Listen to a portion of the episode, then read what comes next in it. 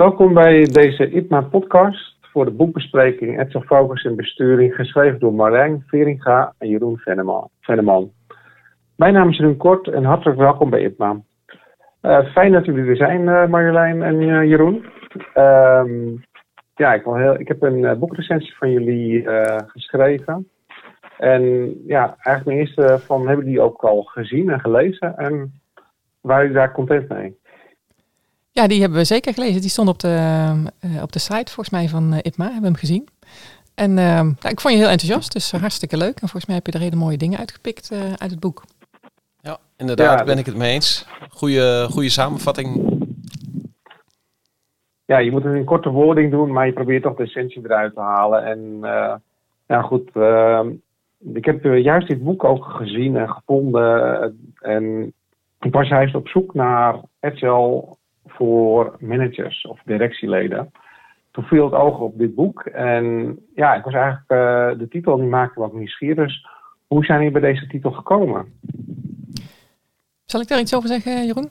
Um, waar het eigenlijk door kwam, uh, Jeroen en ik hebben, ik denk zo'n jaar of twee, de groepsdirectie van Rabobank uh, daarmee geholpen. Het focusbord wat we in het boek bespreken, dat hebben we daar toegepast.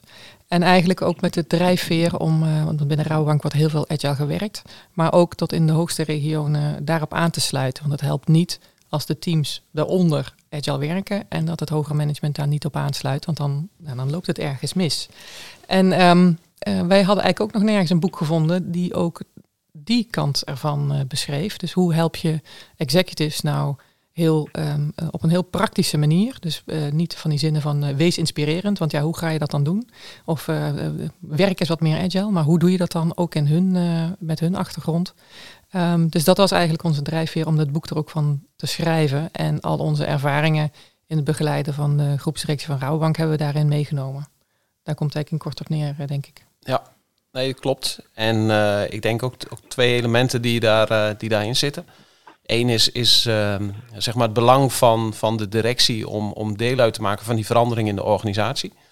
dat ze daar niet buiten staan en het belang van die rol. En, en dat we daar ook echt praktische handvaten voor, uh, voor zochten. Uh, en uh, dat top-down en bottom-up bij elkaar moeten komen. Dus alleen bottom-up, dat werkt niet. Dus dit is echt ja, om daar handvaten voor te geven, dat die bewegingen aan beide kanten gaan, gaan starten. Ja, ja, duidelijk. Uh, dat is ook uh, wat ik zocht uh, en ook hoopte te vinden in het boek. Dat heb ik ook heel duidelijk uitgehaald. Ja, want ik zag dat je en, het Agile Manifesto voor Executive er ook in had gezet, zeg maar, in jouw... Ja, die vond ik, ja. ja. vond ik super. Vond ik echt super, omdat jullie juist wat handvatten geven die meer toegespitst zijn op de directieniveauleden. Omdat er inderdaad het Agile vaak van bottom-up wordt benaderd. En dit gaf juist een top-down benadering, waar echt nogal behoefte is om juist het management mee te krijgen. Je ziet vaak in ICT-afdelingen dat het heel vrij goed loopt, maar voor de hele organisatie, dan met name ook op directieniveau, dat het blijft liggen. En dat, ja, dat ze dan de agile way of working minder goed omarmen. Hoe is in dat kader ook jullie boek ontvangen? Heb ik daar bepaalde reacties al op gekregen uh, van andere directies? Uh, want bij de Rabobank begrijp ik dat het heel goed, goed ligt en ook als voorbeeld heeft gediend voor dit boek. Uh, ja, heel, heel, veel reacties. Uh, volgens mij is het zelfs op, uh, op nummer 4 bij managementboek.nl gestaan. Dus wij waren alles behalve ontevreden daarover. We hebben het inmiddels ook bij een heel aantal andere organisaties ingevoerd of, of mee, dat we daarmee werken. En ook daar werkt het, werkt, werkt het heel erg goed. En dan zie je zowel bij um, uh, wat operationelere uh, bedrijven, zeg maar, die dat te managen hebben, dat het heel goed werkt. Als ook mensen die um, echt met strategische veranderprojecten te maken hebben en vanuit die kant de besturing uh, organiseren. Dus we hebben het inmiddels, nou, ik denk een stuk of tien, zou ik dat kunnen zeggen, Jeroen, ehm, sinds die tijd gedaan. En dat, ja, en we zien het, overal werkt het weer een beetje anders. Um, maar wel, op, want iedereen moet zijn eigen werkelijkheid daarin inbrengen. Um, maar dan zie je echt dat het, dat het directies helpt om focus aan te brengen. Om, om gewoon beter samen te werken en om echt inzicht te hebben van wat hebben we nou allemaal lopen en hoe gaan we daarmee om. Ja, wat ik zie is aan de ene kant ook op, op congressen, hè, waar we het verhaal over, uh, over focus in besturing verteld hebben. Ook daar zie je de reacties, uh, uh, maar je ziet het ook met name hè, dat het als een hulpmiddel gezien wordt voor, voor de middellaag in, in organisaties. Om, ja, om die boodschappen over te brengen binnen de organisatie zelf. Dus is het al niet direct vanuit een directie, dan zie je dat het ook als een hulpmiddel gezien wordt om die prikkel eigenlijk al, om die interventie te geven en een beweging op gang te brengen richting de directie. Het is mooi, uh, onder, het boek ondersteunt daarin en jullie dragen deze methode ook binnen andere organisaties uit, uh, begrijp ik. Ja, ja klopt. Uh, wat, waarom is juist gekozen voor een pocketkite? Want ja, het is vrij klein voor formaat. Ik kon de afbeelding wat minder goed lezen. En juist daar, ja, de klommen en zo waren wel uiteindelijk wel duidelijk. Maar ja, het is heel klein. Ja, ja nou, daar, daar kan ik wel iets over vertellen. Um, de Pocket Guide, ja, dat zit, zit, zit eigenlijk zeg maar in, in een stukje agile, uh, agile mindset. ik heb uh, eerder een boekje geschreven over de, hè, de wendbare organisatie. Dat was ook een Pocket Guide. En dat is eigenlijk als een soort minimum viable product ontstaan bij het idee waar we, we, ja, een boek aan het schrijven zijn. En ja, om dan tot, tot oplevering te komen van waarde is dan zo'n pocketkite een hele mooie manier om tot een eerste oplevering te komen. Met het idee om daarna zeg maar een uitbreiding te doen en al die andere ideeën die je ook nog hebt daaraan toe te voegen. Maar mijn ervaring is op dat vlak dat, nou ja, dat dat een veel langer proces is en dat dat vaak ook, ook niet tot een resultaat komt. En dan is zo'n pocketkite een mooi eerste product. Maar ik ben totaal met je eens van de plaatjes en dergelijke, die zijn vrij klein. Dus we hebben ook wel eens gedacht ja, om het boekje uit te brengen in een wat groter formaat. Zodat we daar in ieder geval ja, aan tegemoet komen. Met name de casus die er ook in beschreven staat. Ja, die is eigenlijk zo klein dat je daar nauwelijks mee, mee uit de voeten kunt. Dus dat is wel iets waar we nog wat mee, mee kunnen. Ja. En wat we ook in een gesprek met onze uitgever hebben gehoord. Dikke boeken worden niet gelezen. En wij wilden heel graag dat mensen dit gaan gebruiken. Dus vandaar ook een pocket guide. Dat die gewoon klein en handzaam en praktisch is zodat mensen het ook lezen en het gaan gebruiken. En deze kan je bij wijze van spreken nog in je binnenzak stoppen. Dus als je denkt, oh, hoe moest het ook alweer? Of hoe ga ik nou verder? Um, dan kan je met je binnenzakken halen en kan je tegelijk bij doen. En bij uh, grote dikke boeken is dat heel erg lastig. Dus ook die kant ervan uh, maakt het heel praktisch.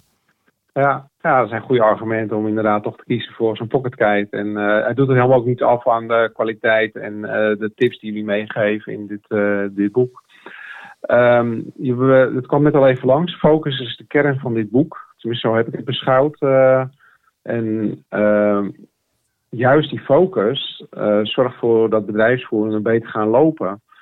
Um, hoe zien jullie dat zelf in de praktijk? Is er uh, juist onvoldoende focus binnen de bedrijfsvoering, waardoor dit ook een hulpmiddel is om dat wel aan te brengen in de organisatie? Um, ja, daar, daar, zien we eigenlijk heel veel van. Um, want bij de meeste bedrijven is het heel lastig om focus te houden. Dus je maakt een plan en je zegt dit en dit willen we doen. Um, en dan maken we ook allemaal um, uh, ja, mooie jaarplannen of dat soort dingen van. En dan komt de realiteit binnen, de waan van de dag. En dan zijn we van alles en nog wat aan het doen, maar dan missen we de focus soms. Dan, dan gaat hij wat naar de achtergrond. En juist door um, echt focus te geven aan wat willen we nou eigenlijk bereiken en hoe, hoe, hoe ver staan we daar nou mee en dat belangrijk te maken. Ja, daar kunnen denk ik heel veel organisaties uh, nog stappen in maken. Want het is ook echt lastig om dat vast te houden. En dan helpt het om een hulpmiddel te hebben die, um, uh, die, die je die focus helpt vast te houden. Um, ondanks dat natuurlijk altijd de waan van de dag en de realiteit binnenkomt waaien. En die van alles en nog wat ook aan je vraagt. Um, en dan soms ook misschien je focus moet bijstellen. Dus vandaar ook zeg maar, dat we daar dat geeft, het focusbord geeft één keer zeg maar, de, de realiteit van de komende drie maanden aan. Um, nou, en als er ineens een COVID komt, ja, dan zal het misschien wel kunnen zijn dat het focus van je bedrijf en je organisatie echt anders moet. Dus de, om daar echt bij stil te blijven staan, en zeker op executive niveau, directieniveau, is, is super belangrijk. Want als je op dat niveau al geen focus hebt, en dan, dan waaiert onder het helemaal uit. Dus um, hoe meer je focust uh, in de top van het bedrijf, eigenlijk hoe meer je bereikt over het algemeen. Ja, ja en dat, dat zie je ook in de, hè, dat beschrijven we ook in het boek. Je hebt, eh, je hebt die focusborden eigenlijk op alle niveaus in de organisatie. En elke keer, op welk niveau je ook bezig gaat met zo'n focusbord, het geeft het inzicht met, van de dingen waar je mee bezig bent. Dus we zeggen ook, je moet het samen opstellen. En uh, ja, als je dat opstelt, is eigenlijk continu de ervaring dat, oh, dit is wel heel veel. En, uh, en het bewustzijn dat daar ook focus in nodig is. En wat Marjolein al aangaf, uh, als je dat helemaal boven in de organisatie al goed doet, ja, dan, dan heb je de grootste winst om ook de focus over de hele organisatie richting te geven. Ja, ik ben, daar, kan ik, daar ben ik het helemaal mee eens. En we willen vaak veel te veel. En juist dit, om er steeds bewuster mee bezig te zijn, eens in drie kwartalen of de, eens in het kwartaal te reviewen, liggen we nog op koers en dan weer bij te stellen. Dan heb je ook een kortcyclus uh, bewaking van al je focus uh, aandachtsgebieden. Ja. ja, en dat is ook en wel. Dat vond ik wel heel goed. Ja, ja. ja, ja wat het, het triggert mij ook in het stuk van hè, als je kijkt van heel veel technieken die we vanuit Agile werken op uh, lager in de organisatie, uh, bij realisatieteams uh, terug zien komen. Ja, die, die, die kan je dus ook toepassen op dat, op dat hogere niveau. Hè? Als je, wat wel is dat yesterday's weather genoemd wordt. Als je kijkt van je, je kan heel lang gaan, gaan, gaan plannen en, en kijken van wat moeten we doen. Maar door gewoon te beginnen en te evalueren en terug te kijken, kan je zien dat het, dat het te veel was, dat je niet aan alles toegekomen bent. En daarop acteren. En ja, dat is eigenlijk ook een principe wat je ziet, wat vanuit zo'n directie uh, vorm kan krijgen. Gewoon niet te lang uh, denken. Hè? Dus ook een van die waarden in het manifesto, die zegt ook van experimenteren boven, de, boven plannen. Hè? Dus probeer gewoon dingen uit, evalueren en verbeteren. En wees niet te bang, hè? want dat levert dit soort resultaten op. En laat ook het mooie voorbeeldgedrag in de organisatie zien. Ja, dat uh, leuk dat u er even begint. Dat voorbeeldgedrag is wel een heel belangrijk onderdeel wat jullie aangeven. Hoe ervaren jullie dat nu als, dat, als jullie focus bord wordt toegepast? En wordt dan ook het voorbeeldgedrag ook echt uitgedragen? En hoe landt dat dan in de organisatie?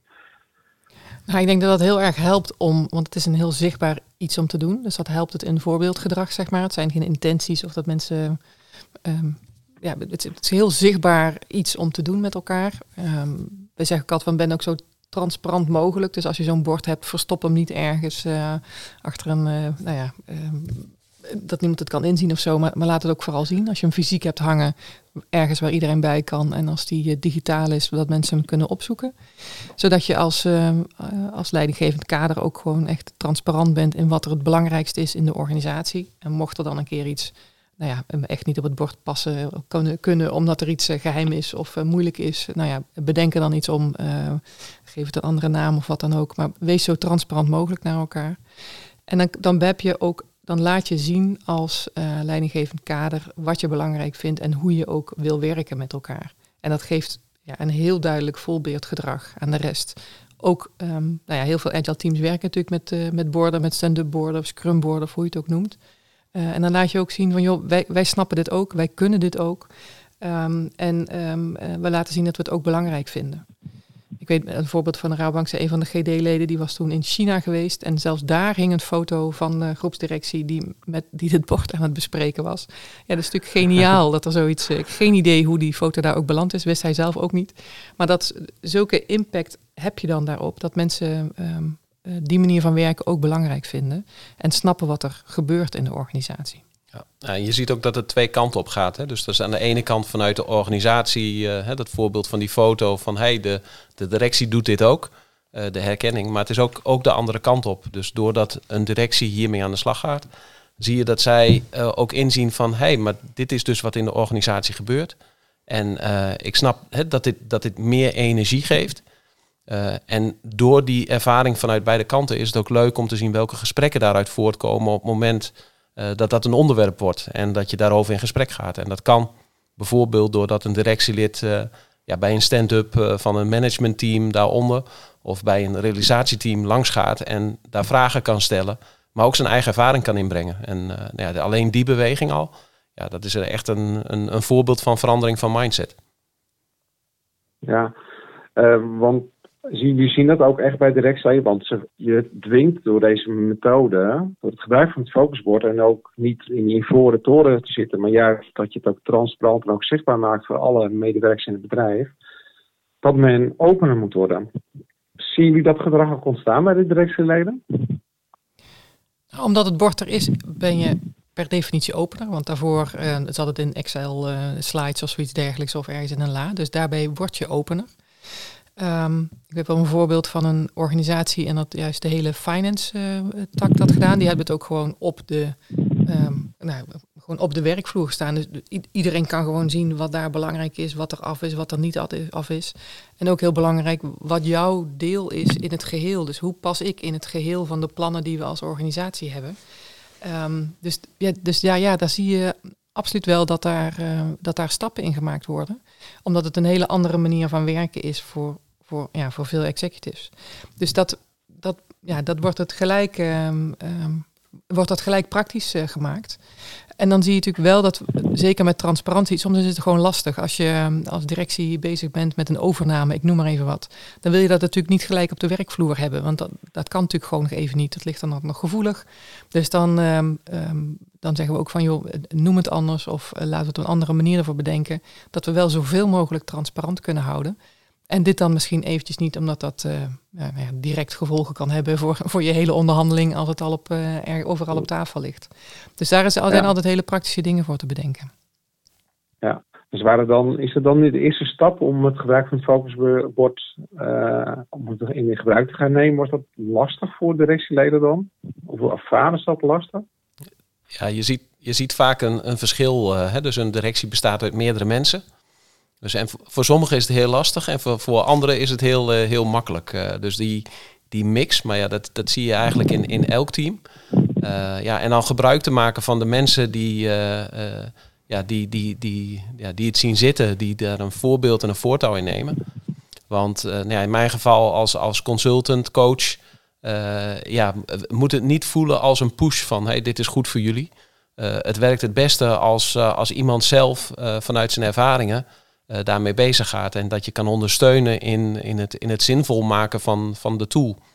Dus, uh, uh, ja, dus daar, en dat geluk dat hadden we zeg, bij de Rabobank waar we starten, dat, ja, dat, dat er mensen waren die, nou, die, die dit zagen werken.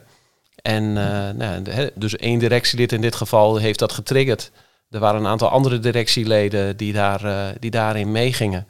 En zo is het, is het eigenlijk gaan, gaan rollen. En, en dat heb je wel nodig. Ja, je ziet ook in verschillende organisaties, de ene uh, directieteam vindt het makkelijker om juist de strategie uit te werken en de andere is veel operationeler van aard. Dus die vinden het veel makkelijker om mijlpalen te bedenken, maar snappen nog niet zo goed of hebben minder scherp hoe dat in hun hele totale strategie past. Dus het is ook per team wisselend uh, waar de meeste aandacht aan moet. Moet dat juist aan de strategiekant of moet dat juist aan de operationaliserende kant? Dus dat is nog wel een, uh, een ding wat ook belangrijk is. En ja, ook een uitdaging, begrijp ik. Ja, zeker. En ik hoor, uh, ik kreeg net een seintje van hier. Um, volgens mij hebben we nog tijd voor één vraag, uh, Jeroen. Dus zou je een uh, laatste vraag aan ons willen stellen? Ja, um, geven jullie ook seminars of trainingen in, over dit focusbord?